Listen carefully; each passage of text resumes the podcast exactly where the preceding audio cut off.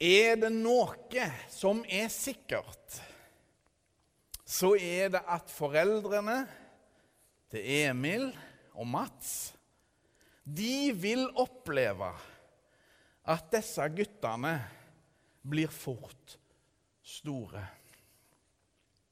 Det kan jeg sjøl skrive under på når det gjelder våre barn. Plutselig begynner de på skolen. Plutselig er de konfirmanter. Plutselig kan de kjøre bil. Plutselig er de voksne. Og vi som foreldre tenker Hvor ble årene av? Og Nå skal vi reise noen år fram i tid. Og så skal vi tenke oss at Emil og Mats har blitt voksne. Sånn omtrent 30 år. Det er ikke for å skremme livet av dere, men nå skal vi bare se det for oss. Er det noen på omtrent 30 år her inne? Det er lov å rekke opp hånda. Veldig fin. Takk skal du ha. Ok, Emil og Mats ser omtrent slik ut. Nå ser vi det for oss. Emil eller Mats kommer hjem til Lurakirka. Går fram til lesepulten, sånn som Siril gjorde. Og så skal de lese teksten. Og vi kjenner deg jo så godt, Emil eller Mats. Vi har hørt så mye godt om deg. Og du har gjort så mye bra. Du leser teksten om den store kongen som skal komme. Og så sier du at det er du som er kongen. Wow! Da hadde vi nok blitt litt sjokkerte her på Lura. Nå har vi sett det for oss. For det var nemlig slik det var den gangen i Nasaret, da Jesus leste teksten i synagogen. Synagogen det var liksom deres kirke. Alle visste hvem Jesus var. Han var eldste barnet til Josef og Maria. Og nå var han omtrent 30 år gammel. Han hadde vokst opp i Nasaret. Han hadde gått i snekkerlære hos faren. Jesus hadde altså jobba sammen med sin far. Men han hadde vært veldig snille og gode og smilende og hyggelige. Det hadde alltid vært noe helt spesielt med Jesus, men han var likevel en av de. Så drog han hjemmefra, og nå går det rykter om at han er begynt å forkynne og gjøre under. Jesus sier visst at Guds rike er kommet nær. Og så får han sjuke mennesker til å bli friske igjen. Er disse ryktene virkelig sanne? Kan dette være sant? Så skal vi ganske snart reise nesten 2000 år tilbake oss i tid. Vi skal se for oss Jesus som kommer hjem til Nasaret og leser profetteksten i synagogen der. Jesus har nettopp begynt på sitt virke, og ryktene om han løper foran han. Når Jesus kommer og leser teksten fra profeten Jesajas bok, er de som er samla, meget spente på hva som kommer til å skje. La oss høre Herrens ord om reise oss. Gud være lovet. Halleluja, halleluja, Halleluja. Det står skrevet i evangeliet etter Lukas. Jesus kom også til Nasaret, hvor han var vokst opp. Og på sabbaten gikk han inn i synagogen slik han pleide. Da han reiste seg for å lese, rakte de ham profeten Jesajas bok.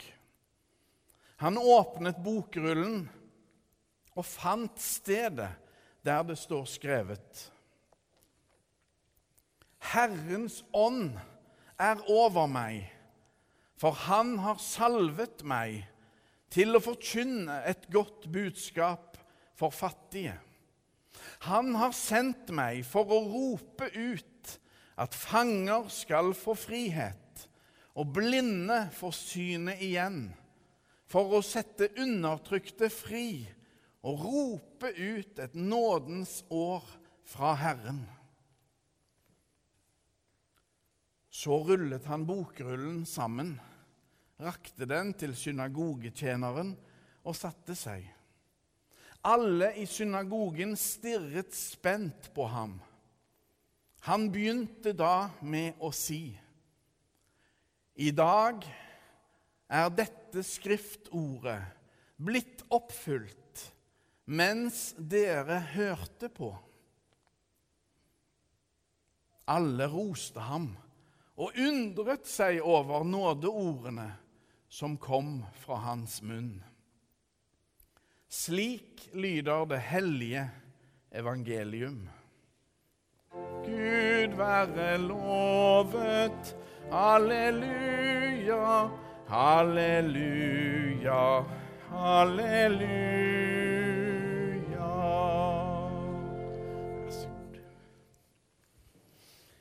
Her har jeg en ting. Er det noen som har sett en sånn en før? Ja, det, det er lov å le. Det er helt greit. Her har jeg altså ei kongekrone på hodet. Er jeg blitt konge nå, liksom? Nei. En blir ikke konge bare fordi at en har ei kongekrone på hodet. Det er ikke nok til å være konge. Og sjøl om denne krona skulle være lagd av ekte gull, så er jo ikke jeg mer konge for det. Nei, konge, det er noe en blir født til. Det er en tittel en blir født inn i. Akkurat slik var det med Jesus òg. Himmelkongen Jesus var født til å være konge. Sjøl om han ble født i en stall i Betlehem så var han allikevel kongenes konge. Født til å være konge. En konge som skulle sette oss fri, alle i hop.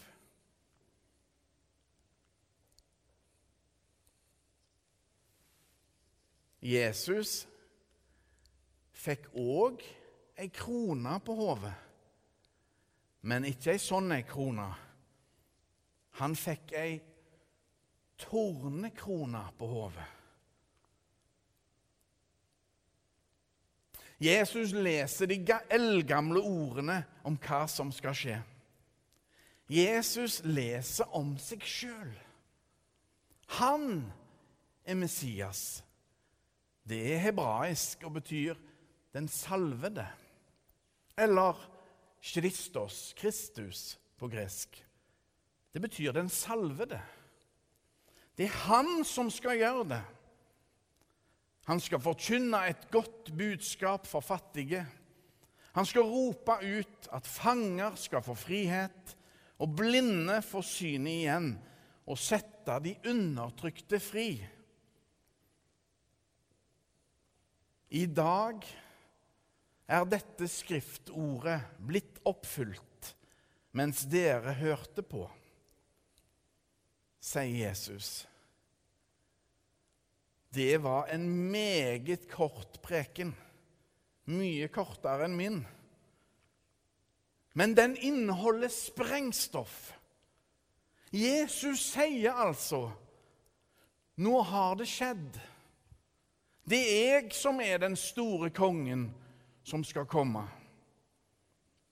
Og først roser de han, for de har jo egentlig ikke hørt hva han faktisk sa.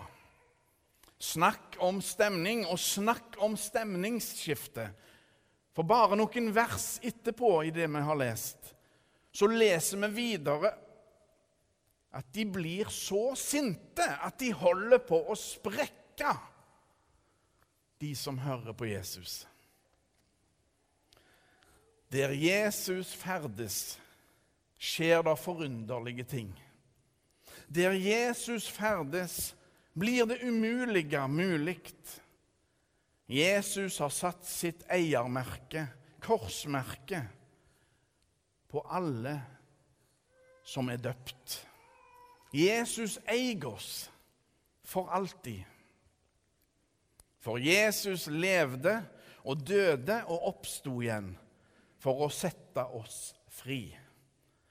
Han seira over dødskreftene en gang for alle. Jesus kjøpte oss alle fri for en meget høy pris.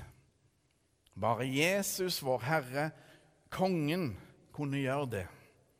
Bare Guds sønn kunne utføre den oppgaven. Derfor skal vi glede oss over adventstida og forventningene mot Jesu komme. For advent betyr ankomst eller komme. Adventus domini, Herrens komme, Herrens ankomst. Og Jesus kom, og han kommer igjen, for det har han lovet oss. Hvor ble årene av? Slik tenkte vel Maria og Josef òg om den eldste sønnen sin, Jesus. Plutselig var han blitt voksen, men de visste allerede, helt fra starten av, til og med før Jesus ble født, at dette var en helt spesiell gutt. Gud hadde sagt det. Og da han ble født i Betlehem, skjedde det mange utrolige ting.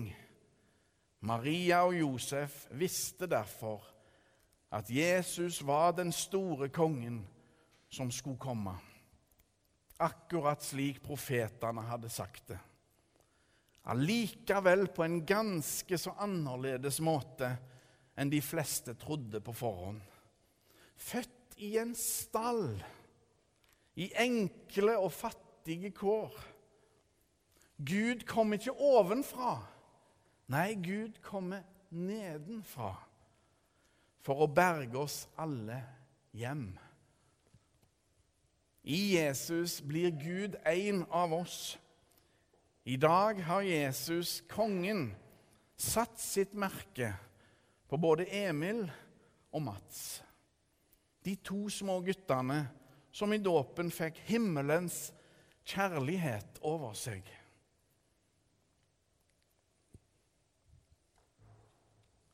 En blir ikke konge bare fordi at en har ei sånn krone på hodet.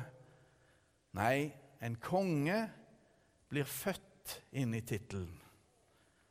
Slik òg med Jesus.